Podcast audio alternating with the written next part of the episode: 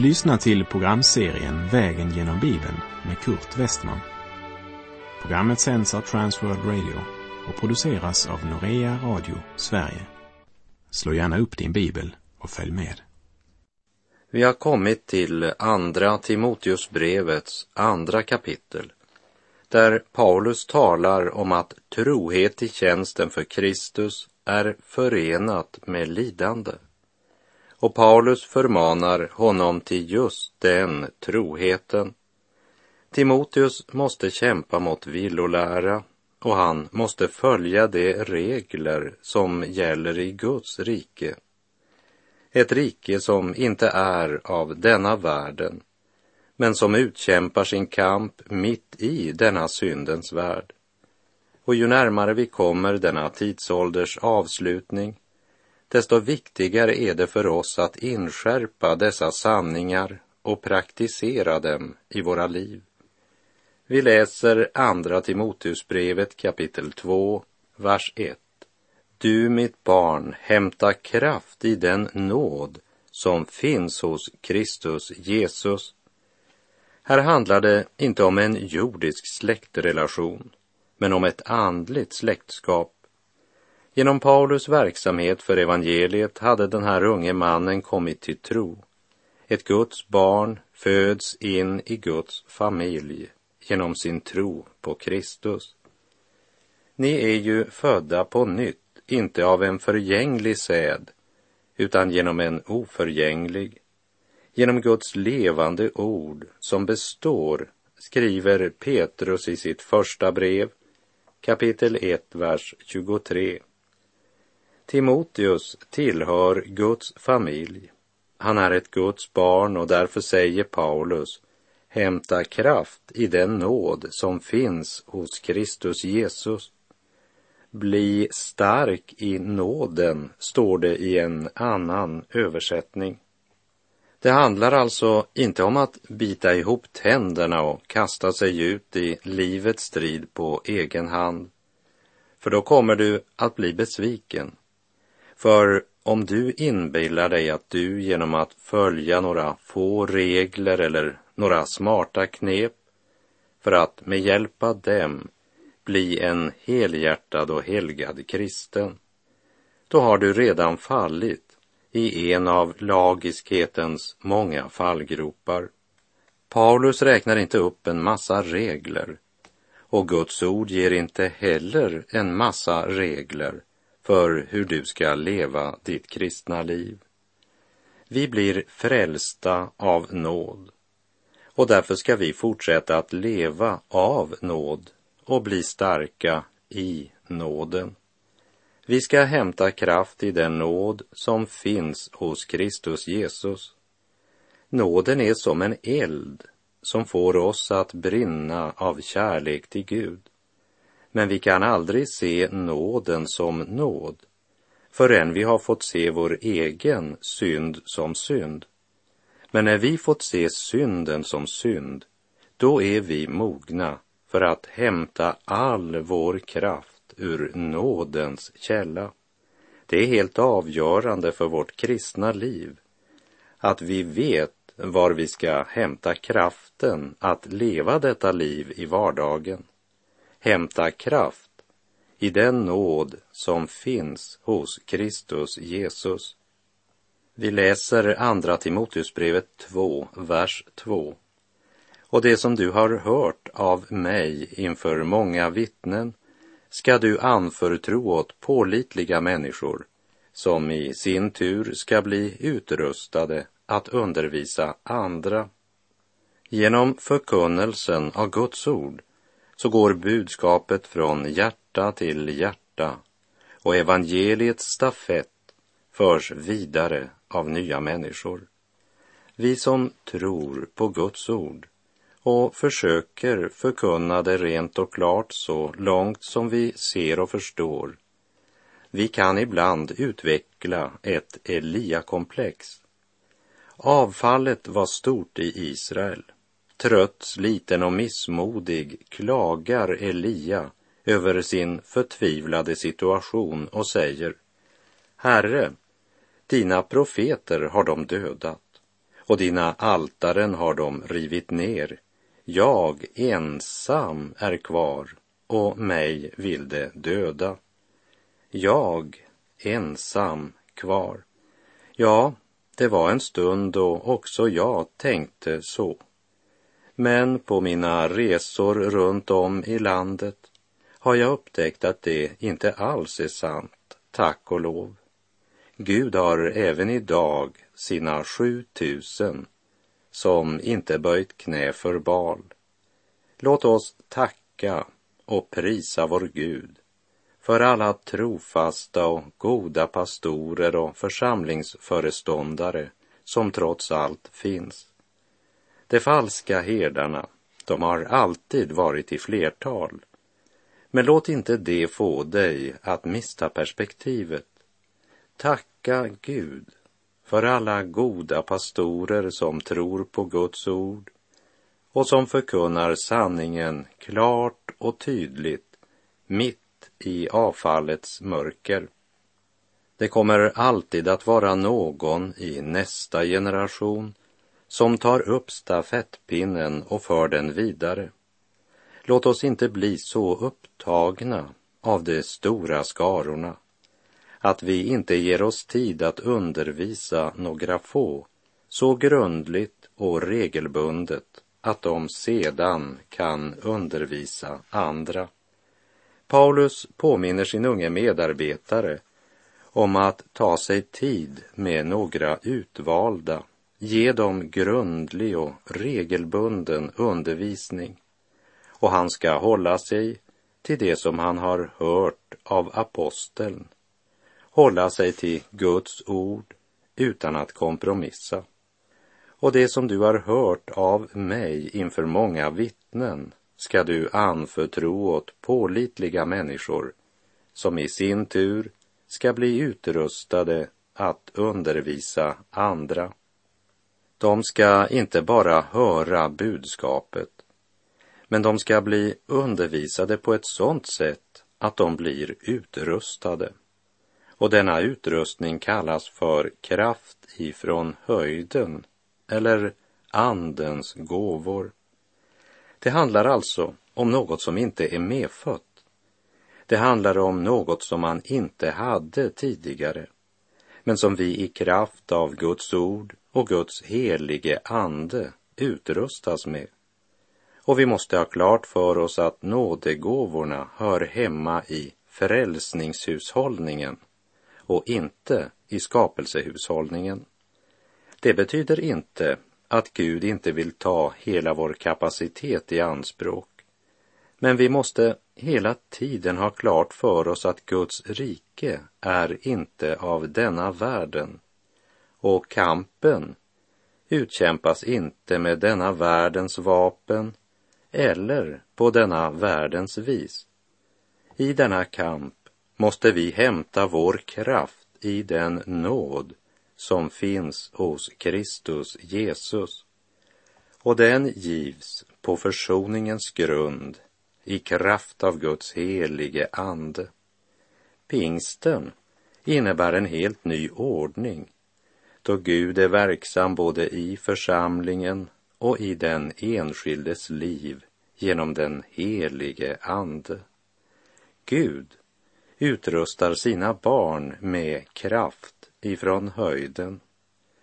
Men andlig utrustning befriar oss inte från studier och möda eller från arbete och insats. Men det förvandlar det som eljest hade varit en tung plikt till ett rikt privilegium. Jesus säger, om någon törstar, så kom till mig och drick. Den som tror på mig, ur hans innersta ska strömmar av levande vatten flyta fram, som skriften säger. Detta sade han om anden som det skulle få som trodde på honom, som det står i Johannes evangeliets sjunde kapitel.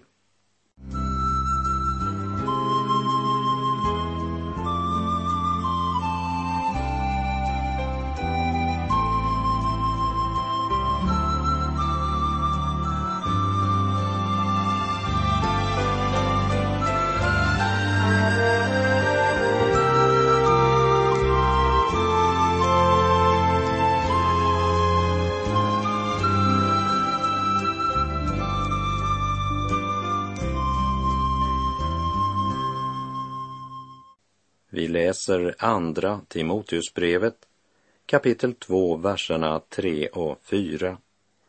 Lid också du som en god Kristi Jesus soldat. Ingen soldat är upptagen av bekymmer för sin försörjning. Han vill stå i hans tjänst som har värvat honom. Efesierbrevets sjätte kapitel säger att vi strider inte mot kött och blod utan mot furstar och väldigheter och världshärskare här i mörkret, mot eh, ondskans andemakter i himlarna. Därför ska vi ta på oss hela Guds vapenrustning så att vi kan stå emot på den onda dagen och behålla fältet sedan vi fullgjort allt.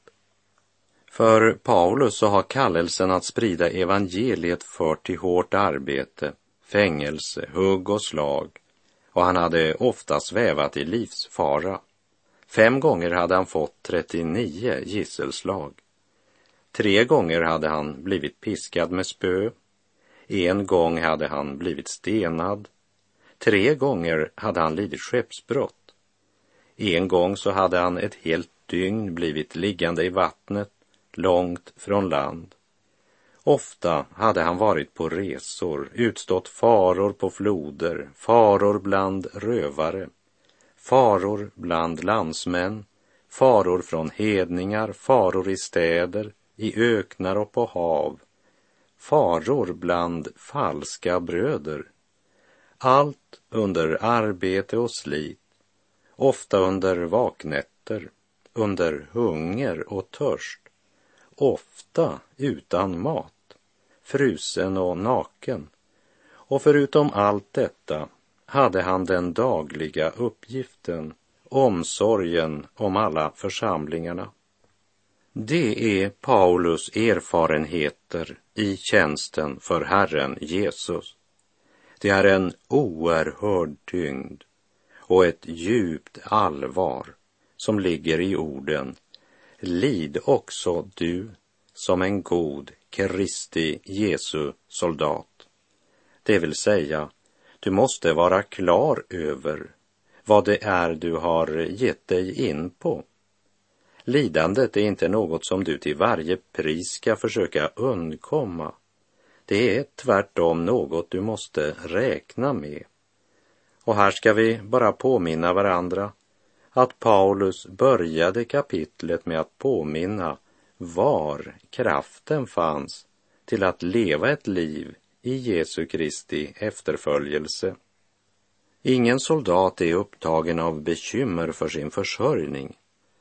Gud, som har kallat dig, kräver dig helt och fullt. Och det är striden du ska koncentrera dig om. Inte hur du ska få råd att köpa dig det ena eller det andra. Det du ska söka, det är Guds rike och hans rättfärdighet.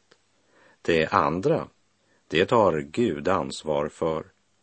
Han uppfyller nog inte alla dina önskningar, men han håller alla sina löften. Det kan du lita på. Och redan i sitt första brev till Timoteus skrev Paulus Vi har ju inte fört med oss något in i världen. Inte heller ska vi ta något med oss härifrån. Har vi mat och kläder ska vi vara nöjda med det som det står i Första Timoteusbrevet 6, verserna 7 och 8. Ingen soldat är upptagen av bekymmer för sin försörjning. Han vill stå i hans tjänst som har värvat honom. Krigarens enda stora uppgift är att veta vad som är hans plats och uppgift och göra allt för att utföra det order han fått.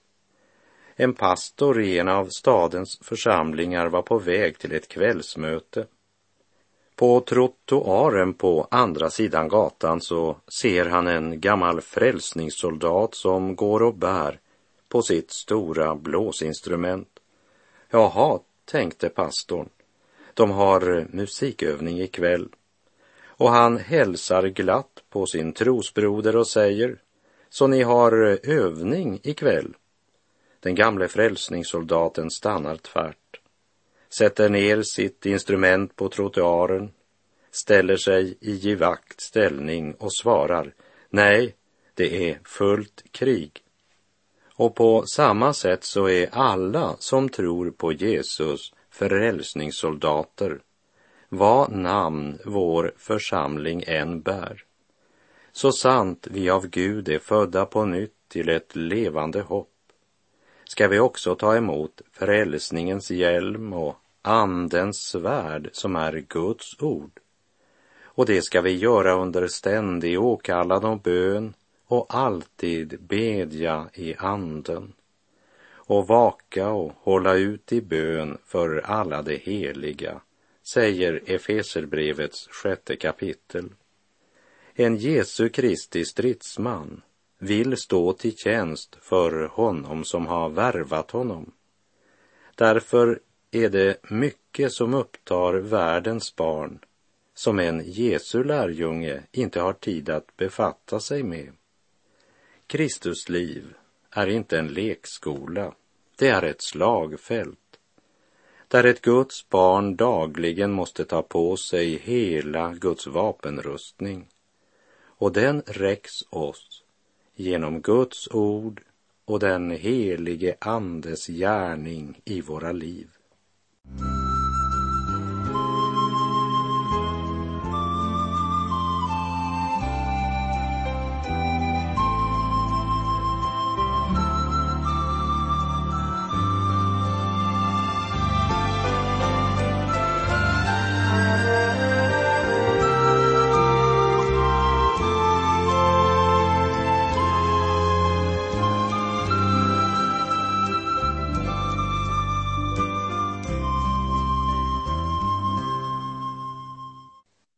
Efter att ha talat om livet i Kristus som en strid så använder han ytterligare en illustration och den hämtar han från idrottsvärlden.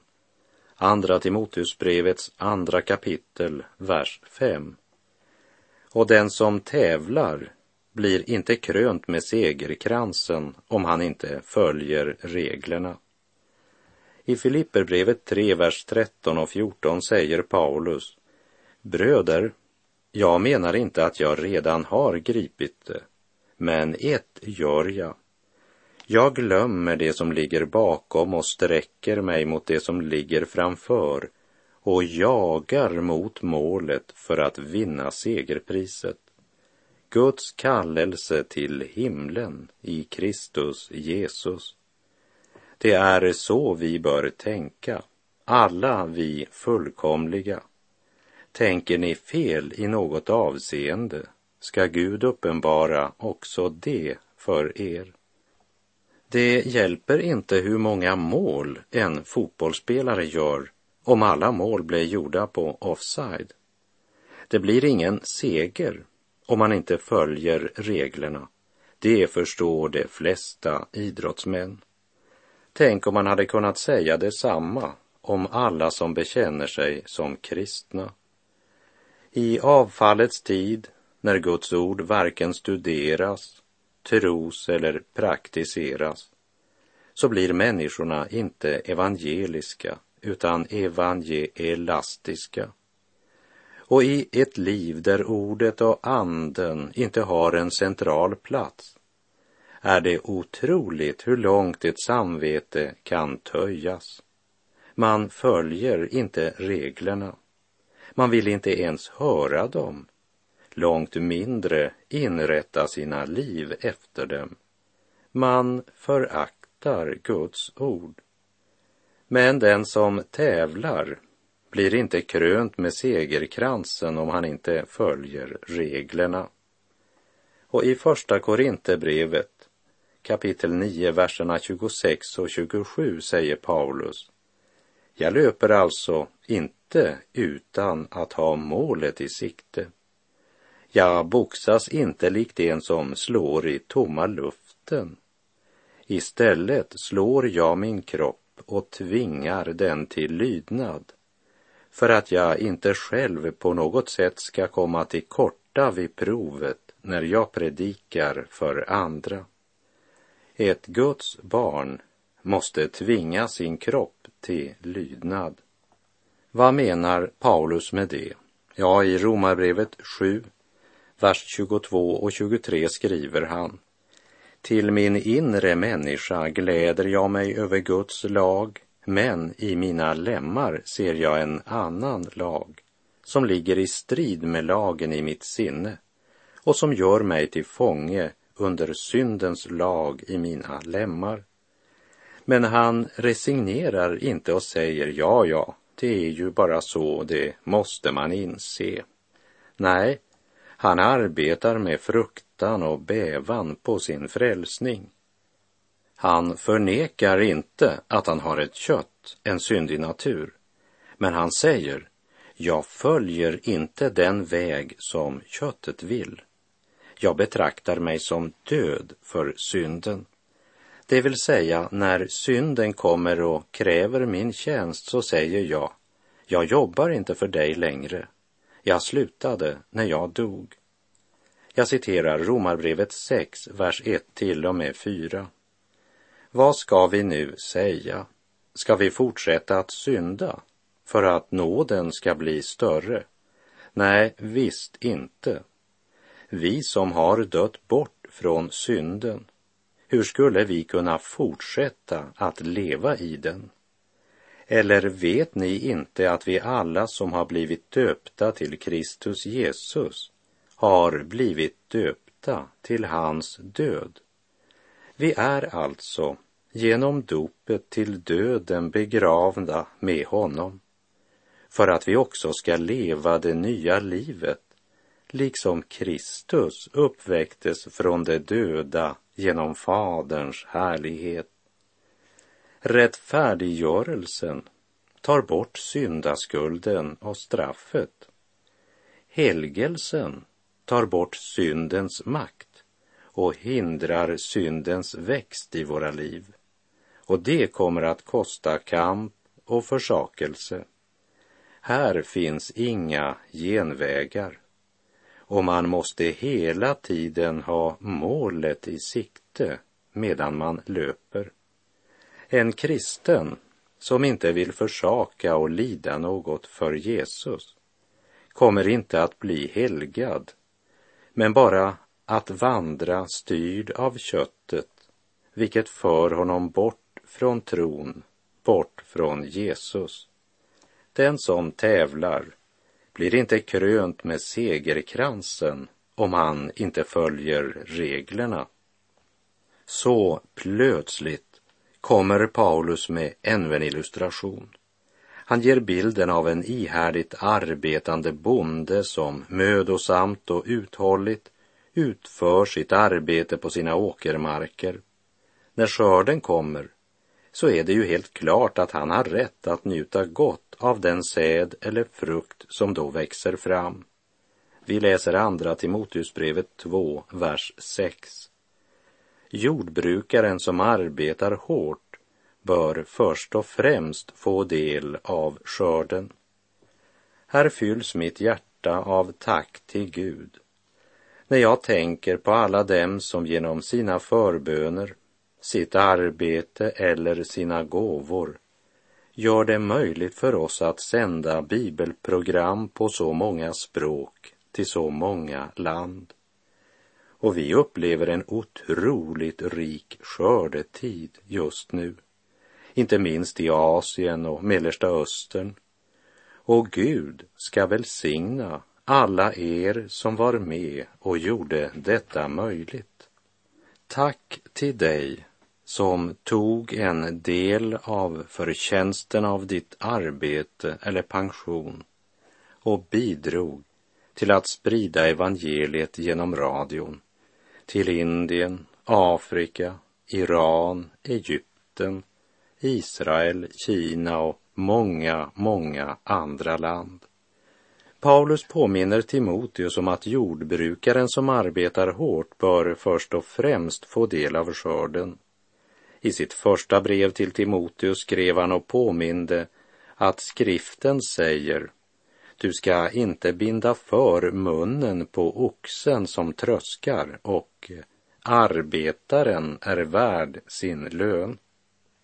Båda dessa uppmaningar kan tyda på att Timoteus utarmade sig själv så totalt att han blev modlös. Paulus vet att den unge Timoteus aldrig utnyttjade andra och det var bra. Men han skulle inte heller utnyttjas av andra. Som hårt arbetande församlingsföreståndare borde han ha sin rättmätiga del. Med orden som arbetar hårt gör Paulus det klart att det är en förutsättning att man inte är lat, utan helhjärtat gör sin gärning. Vi läser i Andra Timoteusbrevet kapitel 2, vers 7. Förstå rätt vad jag säger. Herren ska ge dig insikt i allt. Insikt betyder alltså inte bara att ha god kunskap om Guds frälsningsplan och visdom att undervisa församlingen. Det omfattar också det praktiska livet i vardagen. Med den insats Timoteus gör så är det inte mer än rätt att det troende i församlingen också drar omsorg för vad han behöver av mat och kläder med mera. Det betyder inte att han ska utnyttja sin position. Men det betyder att han ska lära sig att också ta vara på sig själv. Gud har omsorg om ande, kropp och själ. Förstå rätt vad jag säger. Herren ska ge dig insikt i allt. Den kristna omsorgen gäller inte bara alla i församlingen som Timoteus har ansvar för. Den omsorgen gäller även honom själv. Och Paulus hoppas att Herren ska ge honom insikt även om detta. För annars bränner han ljuset i båda ändar hamnar i modlöshet och kollapsar. Och då blir ju församlingen utan herde. Ingen kedja är starkare än den svagaste länken. Och utbrändhet, det är ett stort problem i många församlingar idag. Det som skulle ha varit ett liv i överflöd blir istället en kamp om att hålla näsan ovan vattenytan. Och det var inte alltid att fritid blev en tid då man var fri. Vi måste förstå att Herren är mera intresserad i en familjegemenskap som fungerar och en församlingsgemenskap som fungerar än i ett högt aktivitetsnivå. Och med det så är vår tid ute för den här gången. Jesus Kristus, av honom, genom honom och till honom är allting. Honom tillhör äran i evighet. Amen. Förstå rätt vad jag säger. Herren ska ge dig insikt i allt. Herren vare med dig. Må hans välsignelse vila över dig. Gud är god. Du har lyssnat till programserien Vägen genom Bibeln med Kurt Westman som sänds av Transworld Radio. Programserien är producerad av Norea Radio Sverige.